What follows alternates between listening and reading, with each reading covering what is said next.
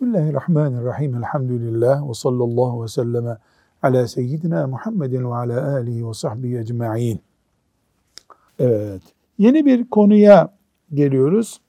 Tok gözlülüğü, kanaatkar olmayı tavsiye eden bir bölüm açmış Nevevi rahmetullahi aleyh. Aslında bu daha önceki okuduğumuz bölümde de vardı ama bunu çok önemli görmüş ki Nevevi. Riyazu Salih'in, Nevevi'nin Riyazu Salih nasıl bir kitaptır? Ahlakın derinliklerine inen bir kitaptır. Ahlak uzmanlığı adeta kitabıdır. Dolayısıyla belki bir başlıkta toplanacak 5-6 başlığı farklı farklı yerlerde tekrar ediyor. Bu bölümün girişinde kanaat ve tok gözlülük bölümün girişinde ayet meallerini okuyacağız. Hud suresinin 6 ayetini Salih Hafız okuyalım. Yeryüzündeki her canlının rızkını Allah üstlenmiştir. Evet. Ne işaret bu? Sen de canlısın korkma Allah seni e, rızkını üstlendi. Yeter ki sen e, çalış, tembelleşme. Bakara suresinin 273. ayeti var. Sadakalar hayatlarını Allah yoluna vakfedip gelir temini için fırsat bulamayanlara verilmelidir. Onlar dilenmedikleri için onları tanımayanlar dilenmediklerine bakarak zengin olduklarını zannederler. Sense onları simalarından tanırsın. Onlar yüzsüzlük ederek insanlardan ısrarla bir şey istemezler. Yani şimdi bir fakir var. Arabanın camından vuruyor. Sadaka, sadaka, sadaka. Bir gariban da bakıyorsun ki bu hali yerinde memur herhalde. Asas fakir öbürü. Yani mümin demek ki dilenen değil, muhtaç olduğunu hayasından dolayı gizleyeni bulacak. Bu da ayağına gelene sadaka vermek düzeyinden sadaka verilecek olanın ayağına gitmeyi gösteriyor. Bu ayet-i celile pek mübarek bir ayet. Evet. Furkan suresinin 67. ayetine geçelim. Onlar verdikleri zaman israf etmezler. Cimrilik de etmezler. İkisi ortası bir yol tutarlar. Mümin karakteri bu. Ne pintilik ne müsriflik. Evet. Zariyat suresinin 56-57. ayeti. İnsanları ve cinleri ben yalnızca bana kulluk etmeleri için yarattım. Yoksa onlardan rızık ve beni doyurmalarını istemiyorum. He, haşa. Kullar Allahu Teala'yı doyuracak halleri yok ibadet edecekler. Bu ne demek? Ya siz ibadetinizi yapın. Müslümanlığınızı yaşayın. Rızkınızı da ben göndereyim demek. Burada 523. hadisi şerifte e, bulunuyoruz. E, bazı hadisler için diyoruz ya e, bu hadis hani tabela yapılıp mutfağa asılsın diyoruz. Bu mübarek e, hadis-i şerifte Bukhari ve Müslim'in ve Tirmizi'nin İbn Mace'nin rivayet ettiği bu hadis-i şerif de mesela spor salonlarına asılmalı, okullara asılmalı, evimizin girişine asılmalı. Ne buyuruyor sallallahu aleyhi ve sellem Efendimiz? Gerçek zenginlik mal çokluğuyla değil, gönül tokluğuyladır. Hafız Efendi şimdi hadis-i şerifi okuyalım. Ebu Hureyre radıyallahu anh'den rivayet edildiğine göre Peygamber sallallahu aleyhi ve sellem şöyle buyurdu. Gerçek zenginlik mal çokluğu değil, gönül tokluğudur. Evet, gönlü tok olmadıkça insanın midesi de doymuyor zaten. Doyduğunu anlamıyor. Şu Alzheimer hastaları var ya, biliyorsunuz mu nasıl bir hastalık? Allah muhafaza buyursun. O mesela artı eksi kabiliyeti kayboluyor onların. Ee, ben bir iki ziyarette gördüm. Mesela adam 70 kilo filandı. Bir gittim bir sene sonra Yüz küsür kiloyu geçmiş. Dedim bu ilaçtan mı? Yok dedi. Doyduğunu anlayamıyor dedi. Biz gelene kadar üç kişilik yemek yiyor dedi. Başında durduk mu da kızıyor dedi. Derken yakınları da bir sıkıntı çekiyor. Yani doyduğunu anlamak diye bir his varmış insanda. İşte Alzheimer olunca unutuyormuşsun. Onu anlamıyormuş insan. Yorulana kadar yiyor dedi. Doyduğunu anlamıyor dedi ya da bitince bırakıyor dedi. Allah muhafaza buyursun. Şimdi demek ki insanın Gönlünün doyması çok önemli. Buna ne diyoruz? Kanaat. Kanaat. Kanaati olmayan o hasta adam gibi doyduğunu anlamıyor. Yani aba ve ecdadının, torunlarının, bütün havaşisinin yiyip bitiremeyeceği malı var. Ekmek kavgası diye adam çalışıyor hala. Yüz sene daha yaşasa yeter ona. Ekmek kavgası, ekmek mücadelesi. Burada bu hadisi şerif kavramların anlaşılmasının Müslümanlığa etkisini de öğretiyor. Tokluk, zenginlik kavramı Efendimiz yenilik getiriyor. Zenginlik para çokluğuyla değil, göz tokluğu, gönül tokluğuyladır buyuruyor. Evet kimse para kazanmasın manasında değil belki bu ama eğer gönül tokluğu, göz tokluğu, kanaat oluşmuyorsa zaten para etmiyor demektir. E bu tabi aynı zamanda eğer sen gönül tokluğuna ulaştıysan elindekiyle yetiniyorsun kimsenin cebine bakmıyorsun o zaman. Öbürünün evi bizimkinden güzel demiyorsun artık. Elhamdülillah idare ediyoruz. Eksiğimiz yok. Hamdü senalar olsun diyorsun.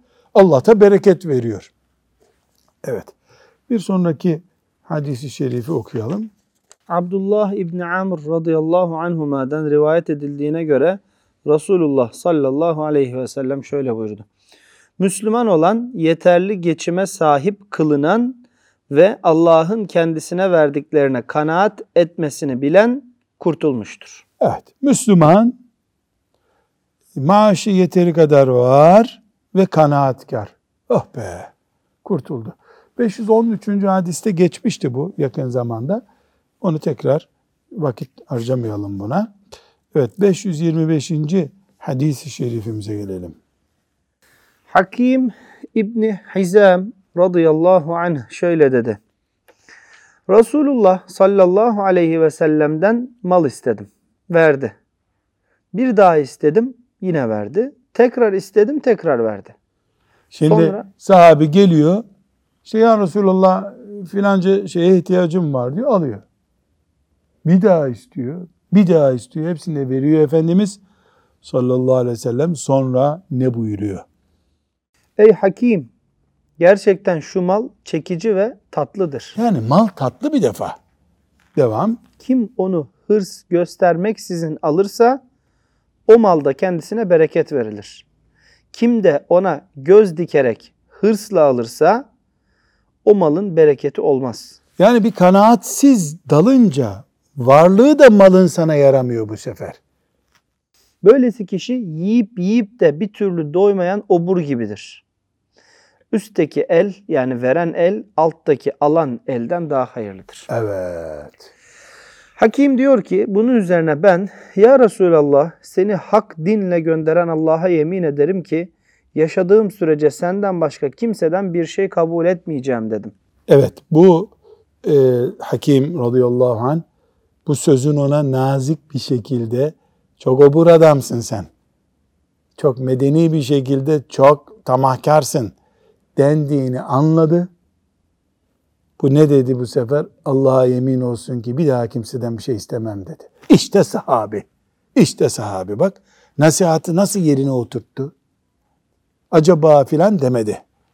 Hı. Gün geldi Ebu Bekir radıyallahu anh hakimi kendisine ganimet malından hisse vermek için çağırdı. Fakat hakim onu almaktan uzak durdu. Yani devlet ona ikramiye verecek kabul etmedi. Daha sonra Ömer kendisini bir şeyler vermek için davet etti. Hakim yine kabul etmedi. Bunun üzerine Ömer radıyallahu anh Ey Müslümanlar sizi hakime şahit tutuyorum.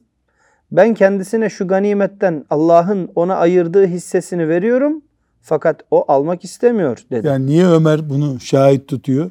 Adamın hakkı çünkü. Hakkını bile gelip almıyor. Ömer'den almam. Yani devletten bir daha bir şey almıyor.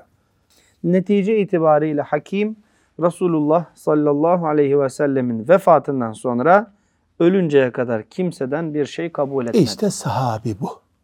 Sahabi bu verdiği sözünde de durdu. Halbuki ona bir avans bir şey de vermiyor. Vatandaş işte devletten bir katkı veriliyor. O katkıyı almıyor. Bir sonraki hadis-i şerife geçelim. Ebu Burde'den Ebu Musa el-Eş'ari radıyallahu anh'ın şöyle dediği rivayet edilmiştir. Resulullah sallallahu aleyhi ve sellemle birlikte bir savaşa çıkmıştık. Altı kişilik bir grup olarak biz nöbetleşe bir deveye biniyorduk. Ayaklarımız delindi, benim de ayaklarım delinmiş ve tırnaklarım düşmüştü. Niye ayakları delindi?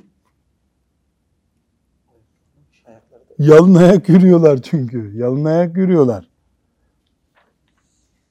Ayaklarımıza böyle bez parçaları bağladığımız için o savaşa Zatür Rika Rika yama demek. ismi verildi. Yama.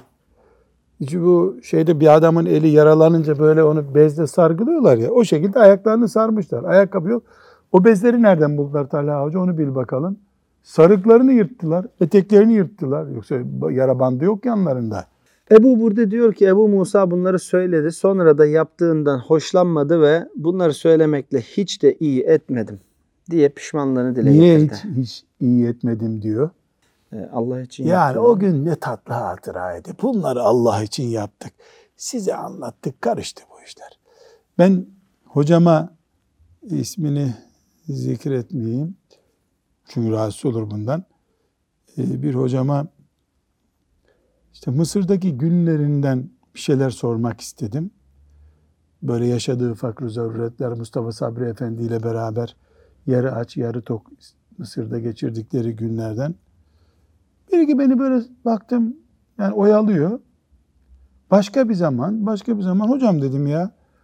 Mustafa Sabri Efendi ile yaşadığınız şeyleri ben kaydetmek istiyorum dedim. Dedi ki ben onları sizin için yaşamadım dedi. Onları ben ahirette göreceğim size anlatmam dedi. Hala kimseye anlatmıyor. Böyle hafif bir ikna edersen 3-4 cümle çıkıyor aradan ama hatırat yazmıyor düşüncesinde ben Allah için yaşadım onları. Bu da bir bakış tarzı tabi. Evet Ebu Musa el-Eş'ari radıyallahu anh da yani Zâtur Rika dediği o ayaklarını yamaladıkları e, günün hatırasını keşke anlatmasaydık ya bu sevabımız azalacak diye düşünmüş. Radıyallahu anh. Amr ibn Taglib radıyallahu anh şöyle dedi. Resulullah sallallahu aleyhi ve selleme ganimet malları ya da esirler getirilmişti. Ganimet malları ne demek? Yani savaşta düşmandan elde edilen mallar depolanıyor. Bunlar ne yapılıyor? Bir kısmı depoda kalıyor, bir kısmı da e, Müslümanlara e, işte savaş payı gibi diyelim dağıtılıyor. O bunları kimine verip kimine vermemek suretiyle dağıtmıştı. Mal vermediği kişilerin ileri geri, ileri geri söylendikleri kendisine ulaşınca Allah'a hamd ve sena ettikten sonra şöyle buyurdu. Yani mesela ne görüyordu? Bunlar daha fakir mahalle, buraya şu kadar verin, şunlara şunu verin. Bir kısmı da baktı ki bize az geliyor. E tabi İslamiyet'i de yeni öğreniyorlar. E, ya bize niye verilmiyor? Yani omurdanıyor diyorlar ya böyle. Ses çıkarıyorlardı. Efendimiz de onlara buyurdu ki Allah'a yemin ederim ki ben kimilerine veriyor, kimilerine vermiyorum.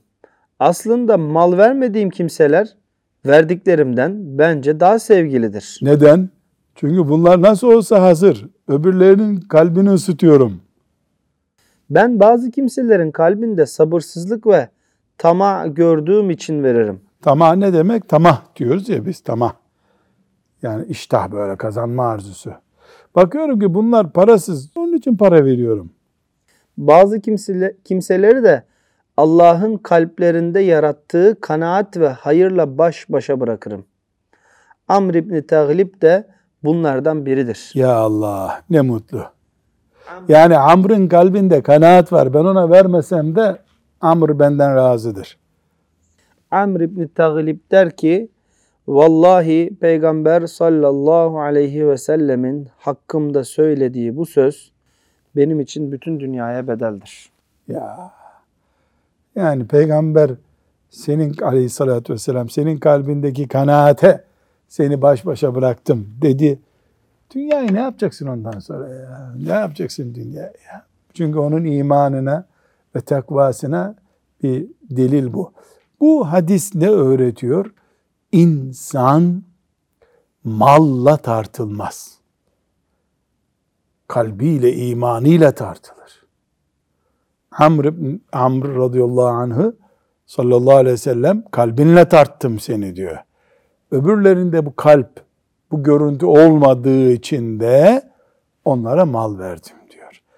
Aklı olan da ne yaptı? Bu mesajı aldı.